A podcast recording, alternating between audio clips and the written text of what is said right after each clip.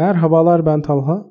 Bugün eğitim konusunu halk arasında da yaygın olduğu gibi sistem üzerinden değerlendirmeye çalışacağım. Ama bu değerlendirmede amaç sistemimiz iyi veya kötü demek değil, şikayet etmek hiç değil. Gerçi biz de öğrenciyken hayli şikayet ederdik ama bu bölümde dünyada uygulanan eğitim sistemlerini örnek gösterip aralarında bir karşılaştırma da yapmayacağım. Sistemin neden önemli olduğunu, neden tartışmaların odağında olduğunu ve sisteme yapılan müdahalelerin neden etkisiz olduğunu ifade etmeye çalışacağım. Tabii ki eğitim sisteminin en büyük ayağı siyasi, belki de toplumdaki sorunların büyük çoğunluğunu ülkelerin başkanları yerine eğitim bakanları çözebilir. Ama konuyu ulus devlet üzerinden ele alırsak bunun bizim eğitim düşüncemize bir katkısı olmaz. Katkı verecek bakış açısı ise ilkeler olmalı diye düşünüyorum. Müfredat, kurgu, kurumlar, sınavlar vesaire hepsi sistemin birer parçası ama hepsi birlikte aynı ilkelere bağlı. Bu yüzden de değerlendirmemizi ilkeler üzerinde tutmamız gerekiyor diye düşünüyorum. O halde ilk sorumuzla başlayalım. Sistem neden önemli? Sistemin önemini yokluğunda anlayabiliriz. Eğitim sisteminin bulunmadığı veya zorunlu tutulmadığı bir toplumda çocuklar temel öğrenim becerilerini geliştiremeyecektir. Biz de bu nedenle lise öncesi dönemde çocuklara temel eğitimin ciddiyetle verilmesinde hemfikiriz. Fakat ayrıldığımız nokta lise sonrası dönemin farklı ilkelerle kurgulanması gerektiği, gençlerin birer birey olduklarını fark etmeleri, zekalarının birbirinden az veya çok olmadığının bilincinde olmaları, bir hocadan dinleyerek öğrenmeye mahkum hissetmek yerine kendi zekalarıyla istediklerini çalışarak öğrenme özgürlüğüne sahip olduklarını bilmeleri gibi ilkeler birçok sorunun çözülmesini sağlayacaktır aslında. Ama eğitimi hala öğrenciye verilmesi gereken, açıklanan bir şey olarak görmek hatasını yapıyoruz. Bunu bir annenin çocuğun ayakkabılarını 20 yaşında bile hala bağlamaya devam etmesi gibi düşünebilirsiniz. Öğrencinin konforunu bozmadan ona hazır açıklamalar vererek hem zekasını çalıştırmamış hem de iradesini kullanmasına müsaade etmemiş oluyoruz. Sınav sonuçlarını da zekaların eşit olmadığı kanısıyla açıklayıp toplumdaki eşitsizliklere zemin hazırlamış oluyoruz. Eğitim sistemi toplumun her kesimine ulaşıyor ve eğitim sisteminin ilkeleri eğitim sürecine tamamlayıp topluma karıştığımızda da toplumun ilkelerine dönüşüyor. Yanlış kanılar toplum hayatında da devam ediyor.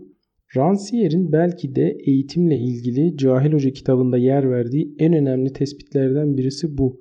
Yanlış kanılara sahip, birilerine bağlanacak şekilde yetiştirilmiş insanlardan kurulu bir toplum ortaya çıkartıyor geleneksel eğitim sistemi ve sistemi meydana getiren tüm yapılarda bundan etkileniyor.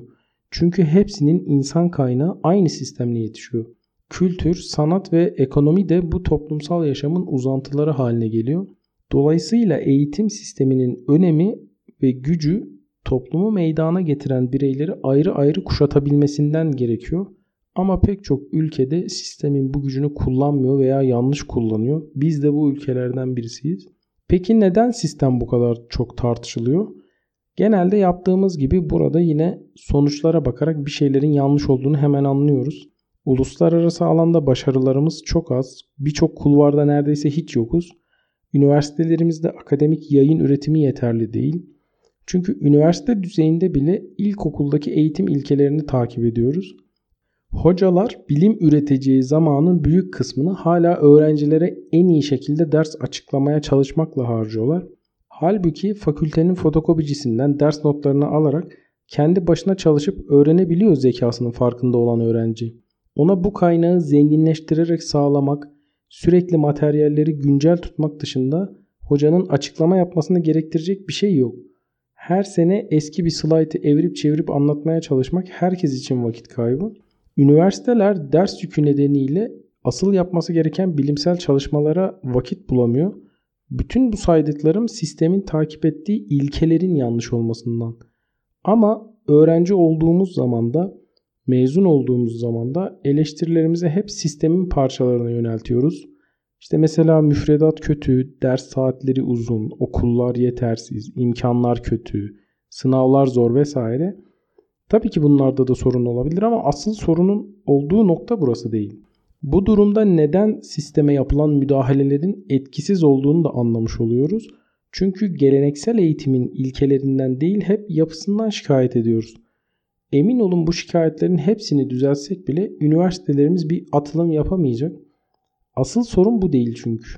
Sorun geleneksel eğitimin öğrencileri toplumdaki yanlış kanılara göre kodluyor olması. Rancière'in deyimiyle özgürleştirmiyor olması. Hatta buna uğraşmıyor olması. Uğraşıp da yapamıyor olsa yine çözüm üretilebilir ama şu an için sistemde yapacağımız hiçbir değişikliğin ilkeler değişmedikçe etkili olacağını düşünmüyorum.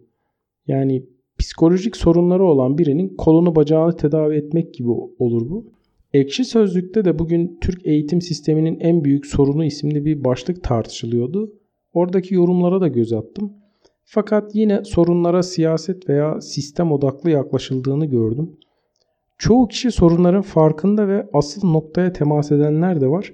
Ama sorunların geleneksel eğitimin ilkelerinden kaynaklandığı henüz yaygın olarak anlaşılamamış. Bunu fark eden bir yazarın yorumunu sitemizdeki yazının ekine koyacağım. Benzer şekilde öğrenciler de sürekli bir şikayet halindeler. Biz de öğrenciyken öyleydik. Ama bunun içeriği çoğunlukla tembellikten kaynaklanıyor. Sistemin onlara ulaşması, imkanlar sunması, hocaların açıklayıp öğretmesi için bekliyorlar. Hatta en iyi açıklayan hocalar gelsin ki derse çalışmak zorunda kalmayalım. Ödev de vermesin. Yani öğrencilik bu kadar pasif ve konforlu bir dönem değil. Bu kısımda öğrencilere katılmıyorum.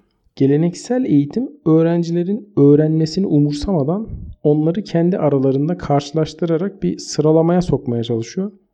Dolayısıyla düşük notlar alan öğrenci de kendini aptal zannediyor. Ne kadar çalışsam da olmaz, yapamam diye tembelliğe vuruyor işi. Öğrencilerin bu durumda yapması gereken şey kendi döneminde sistem nasıl olursa olsun şikayet etmeden kendi zekasına güvenerek çalışmaları. Sistem gereği insanlar onların başarılarını zekalarıyla, zekalarını da başarılarıyla açıklayabilir. Ama onlar kendi zekaları ve iradeleriyle çalışarak başardığını bilmeli ve kendilerini sistemden özgürleştirmeliler. Ama buna bazen hocalar da engel olabiliyor. Şöyle ki hocalar bazen dersi ders kitabından ayırıyorlar. E, ders notu da vermiyorsa öğrenciyi kendisine muhtaç hale getiriyor demektir. Bu tarz hocalar genelde şunu da söylüyor. Sınavda anlattıklarımdan soracağım. Bu durumda yapılacak tek bir şey kalıyor. O da derste detaylı not olarak notlara çalışmak. Çünkü hoca öğrencinin kendi başına çalışıp öğrenebileceği tüm materyalleri elinden almış oldu. Ne yaptığının bilincinde olsa muhtemelen böyle yapmaz ama ya yoklama için ya da kendisini dikkatli dinlemeleri için böyle şeyler yapabiliyor hocalarımız. Mesela yabancı dil konusu burada oldukça belirgin. Hatta 12 yılda İngilizce öğretemeyen sistem diye bilinir geleneksel eğitim. Hatırlarsanız Jacotot hiç anlatmadan Fransızca öğretmeyi başarmıştı. Dil anlatılmasa fen bilimleri kadar kolay olmayan bir yapısı olduğu için öğretilmesi de zor. Sisteminiz de buna uygun değilse elbette ki öğretemezsiniz. Genel olarak toparlayacak olursak iyi kötü bir eğitim sistemimiz var. Kurumlar, sınavlar, müfredat bunların hepsi kurgulanmış, yerleştirilmiş. Eğer ki sistemin görünür özelliklerinden şikayet eder ve tüm enerjimizi buna harcarsak bir yere varamayız. Toplumda da, kültür ve sanatta da, ekonomide de hatırı sayılır bir ilerleme gösteremeyiz. Eğitim düşüncemizde ilkelerimizi toplumdaki yaygın ve yanlış kanlardan kurtarmalıyız. Öğrenmeyi öğretebilmeliyiz. Her öğrenciyi bireyleştirmeli ve toplumu da yetiştirdiğimiz bireyler arasındaki eşitlikten ve uzlaşıdan kurmalıyız. Genel olarak eğitim sistemi ile ilgili söylemek istediklerim bu şekilde. Bir sonraki bölümde görüşmek üzere. Hoşçakalın.